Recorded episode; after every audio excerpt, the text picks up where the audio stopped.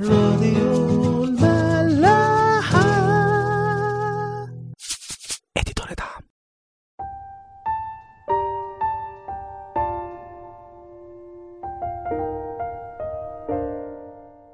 مساء الخير واهلا بيكم في حلقة جديدة من عيش وملح. في آخر حلقة كنا اتكلمنا على حرب داوود وشعب إسرائيل المستمرة مع الفلسطينيين. في إصحاح خمسة من سفر صمويل تاني. الكلام ده حصل مرتين. داوود سأل ربنا هل أصعد أحارب الفلسطينيين؟ فربنا قال له اصعد أنا هدفع الفلسطينيين لإيديك. وبيروح داود فعلا ويضرب الفلسطينيين وينزع أصنامهم اللي سابوها وراهم. المرة التانية كانت بعدها على طول. الكتاب بيقول إن الفلسطينيين رجعوا تاني وصعدوا وانتشروا في وادي الرفائين المرة دي لما داود بيسأل ربنا أصعد ولا لأ ربنا بيقول له لا تصعد. روح لف من وراهم وأنا هبقى اللي بتقدمك وأخليك تهزمهم. وفعلا داود بينفذ اللي أمره بيه ربنا وبيحقق برضو النصرة تاني على الفلسطينيين. خلونا نبدأ مع بعض إصحاح ستة من سفر صمويل تاني. نفس القصة اللي هنحكيها دي موجودة في سفر أخبار الأيام إصحاح 13 عشان بس نبقى عارفين وفاهمين إيه اللي بيحصل أسفار صمويل وأخبار أيام وملوك فيهم من بعض. أخبار أيام وملوك بيشرحوا بالتفصيل أكتر الأحداث اللي سفر صمويل بيكلمنا عليها. زي ما شفنا كده في قصة اليابوسيين اللي كانت من كام حلقة. لما استخفوا بداود إن هو يقدر يقتحم حصنهم وفي أخبار أيام الكتاب بيقول إن يؤاب هو اللي نجح فعلا إن هو يدخل الحصن وبقى القائد.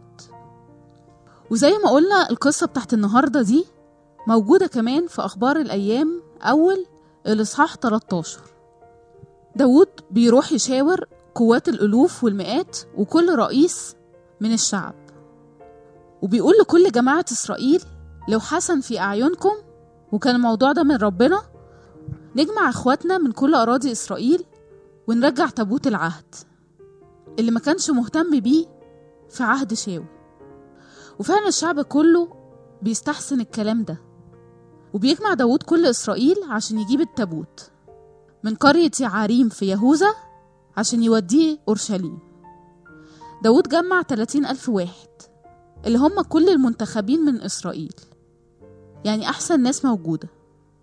المرة دي جمعهم مش عشان محتاجهم في حرب أو نصر على الأعداء جمعهم عشان ينقلوا تابوت العهد.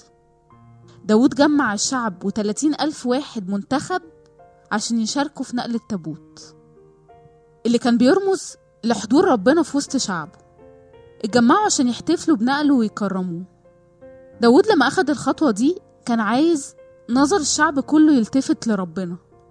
يبقى عارف إن كل الانتصارات اللي بيعدي فيها دي بسببه هو بس وبسبب حضوره معاه في كل الحروب. لغاية هنا والموضوع ماشي تمام. نية داود والشعب كويسة. عايزين يكرموا ربنا وينقلوا تابوت العهد عشان يبقى في أورشليم. بس في غلطة حصلت هنا. عدد تلاتة في إصحاح ستة يقول فأركبوا تابوت الله على عجلة جديدة وحملوه من بيت أبي نداب اللي كان فيه التابوت يعني. وولاد أبي نداب عزة وأخيو كانوا هما اللي بيسوقوا العجلة الجديدة. إيه بقى الغلط في اللي حصل ده؟ الغلط إن هما شعب إسرائيل وداود نفسه حطوا التابوت على عجلة جديدة وده فيه مخالفة للناموس والوصايا اللي ربنا قال لهم عليها. ربنا كان موصي في العهد القديم ناس معينة اللي هم بنو قاهات عشان يحملوا تابوت العهد. التابوت كان فيه زي علقات من ناحيتين وبيدخل فيها عصيان عشان بنو قاهات دول يشيلوه على كتفه. يقول في سفر عدد الإصحاح الرابع عدد 15 ومتى فرغ هارون وبنوه من تغطية القدس وجميع أمتعة القدس عند ارتحال المحلة. يأتي بعد ذلك بنو قاهات للحمل. ولكن لا يمسوا القدس لئلا يموتوا. يعني ربنا من زمان خالص من أيام موسى وهو موري لهم وموصيهم إزاي ينقلوا تابوت العهد. محدش يمسكه ويتشال بالعصيان وناس معينة هم اللي يشيلوه واللي يمسه هيموت. كل الشعب هنا غلط لما كسر وصية ربنا. الشعب ده كله متجمع عشان يكرموا تابوت ربنا وينقلوه. وكلهم حتى داوود ما نفذوش وصية ربنا في نقله ربنا كان قايل لهم وموري لهم قد إيه قدسية التابوت ده. محدش يلمسه ويتنقل بطريقة معينة. وهم بدل ما يقدسوا التابوت من خلال وصايا ربنا أهانوه. طب أهانوه ليه؟ دي كلمة كبيرة قوي. ببساطة أهانوه لأنهم عملوا التابوت زي ما الأعداء عملوه.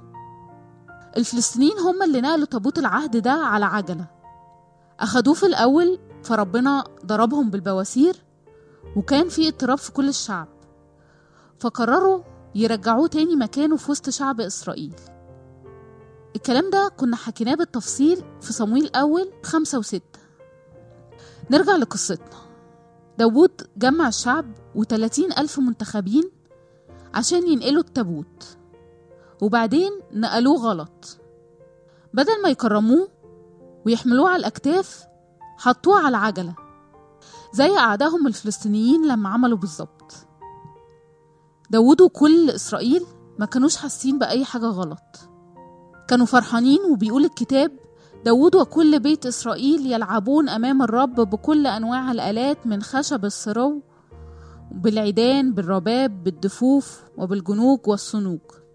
يعني كانوا بيلعبوا بكل أنواع الآلات الموسيقية قدام تابوت العهد وهو بيتنقل. مش حاسين خالص إن في حاجة غلط. وبعدين وهم عند مكان اسمه بايدر ناخون الثيران اللي بتجر العجل دي هاجت وخافت وابتدت ترفص. فعزة ابن أبي نداب اللي كان سايق العجلة مد إيده لتابوت العهد عشان يمسكه عشان ما يقعش.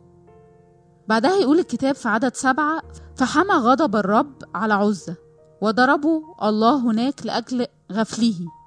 يعني إن هو ما خدش باله يعني. فمات هناك لدي تابوت الله.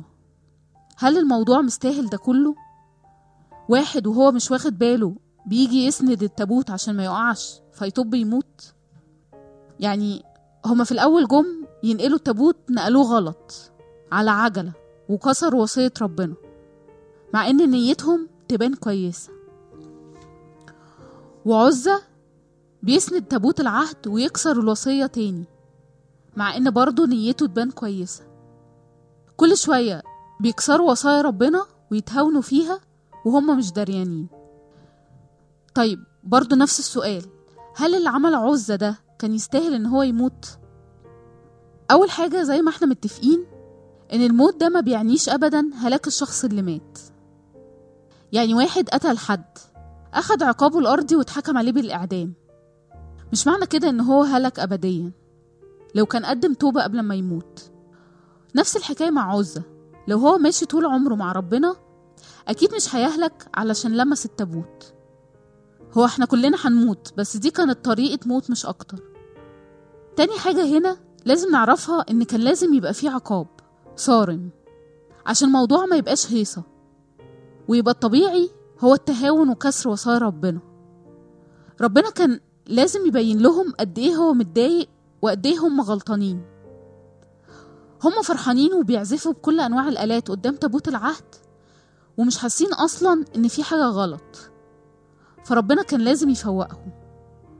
لما بيتحكم على واحد قاتل بالإعدام هو بياخد جزاء فعله وفي نفس الوقت ده بيبقى عظة لكل اللي حواليه عشان الدنيا ما تبقاش غابة. الناس تقعد تقتل في بعضيها من غير حساب.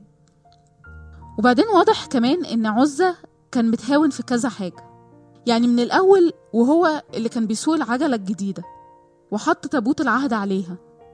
ودلوقتي عادي بيمسكه بإيده عشان ما يقعش. واضح إن هو كان بيكسر وصايا ربنا ويتهاون فيها. فالنتيجة الطبيعية هي الموت. وده في حياتنا كلنا على فكرة. اللي يكسر الوصية بيموت. مش لازم موت مادي. طيب خلونا نتكلم على الوصية شوية. هي الوصية اتحطت ليه؟ كنا اتكلمنا في الموضوع ده في أسفار عدد ولوين اللي كانوا مليانين بوصايا وقواعد وشروط للعشرة مع ربنا. أكيد الوصية ما اتكتبتش عشان تعكنن علينا. من أول وصية ربنا قالها لآدم في تكوين اتنين عدد 16 وأوصى الرب الإله آدم قائلا من جميع شجر الجنة تأكل أكلا وأما شجرة معرفة الخير والشر فلا تأكل منها لأنك يوم تأكل منها موتا تموت. ربنا كان عارف إن آدم لو أكل من شجرة معرفة الخير والشر هيموت. هو ما كانش بيحرمه من حاجة إلا لو هو عارف إن أكيد في ضرر عليه منها. ربنا بيقول لنا يا جماعة الوصايا دي عشان نعيش معاه سعدة مش محرومين أو متضايقين. ربنا عارف إن اللي بيكسر الوصية وبيعمل خطية حياته بتتدمر. مهما إن الشيطان أغرانا بالخطايا لازم نبقى عارفين إن كل الخطايا خاطئة جدا وبتأدي للموت. يعقوب في رسالته إصحاح واحد بيقول ولكن كل واحد يجرب إذا انجذب وانخدع من شهوته. ثم الشهوة إذا حبلت تلت خطية والخطية إذا كملت تنتج موتا. وعشان كده ربنا ادانا الوصايا عشان يحصلنا ويحمينا مش عشان يغلس علينا أو يحرمنا وياخد منا الحاجة اللي بنحبها. يقول في رومية أربعة الناموس مقدس والوصية مقدسة وعادلة وصالحة. لما ربنا قال لا تقتل لا تشهد زور لا تشتهي لا تزني وحطوا أي وصية تانية ربنا يكون وصانا بيها هتلاقوها لصالحنا ولخيرنا شوفوا أي حد بيقتل أو يشهد زور أو يشتهي أو يزني هل هو سعيد وهو خارج الوصية؟ هل لاقي شبع؟ ده بالعكس ده مش بيبقى فضل زي الناس العادية ده بيبقى مليان شر شهوة فساد عدم محبة للغير كراهية وحقد وغيرة كل حاجة بتبوظ جوه الواحد. لما الواحد بيكسر الوصية والخطية تدخل جواه عمره ما بيبقى مستريح. اللي بيدمر الواحد مش الظروف أو الضغوط اللي حواليه اللي من بره. اللي بيدمر الواحد إنه يبقى بايظ من جواه ويبقى فيه شر في حياته. ناس كتير قوي ممكن تتضايق على موت عزة وتحس إن ربنا قاسي ومش رحيم. بس ده عشان إحنا بنتضايق على الموت المادي أكتر بكتير قوي من الموت الروحي.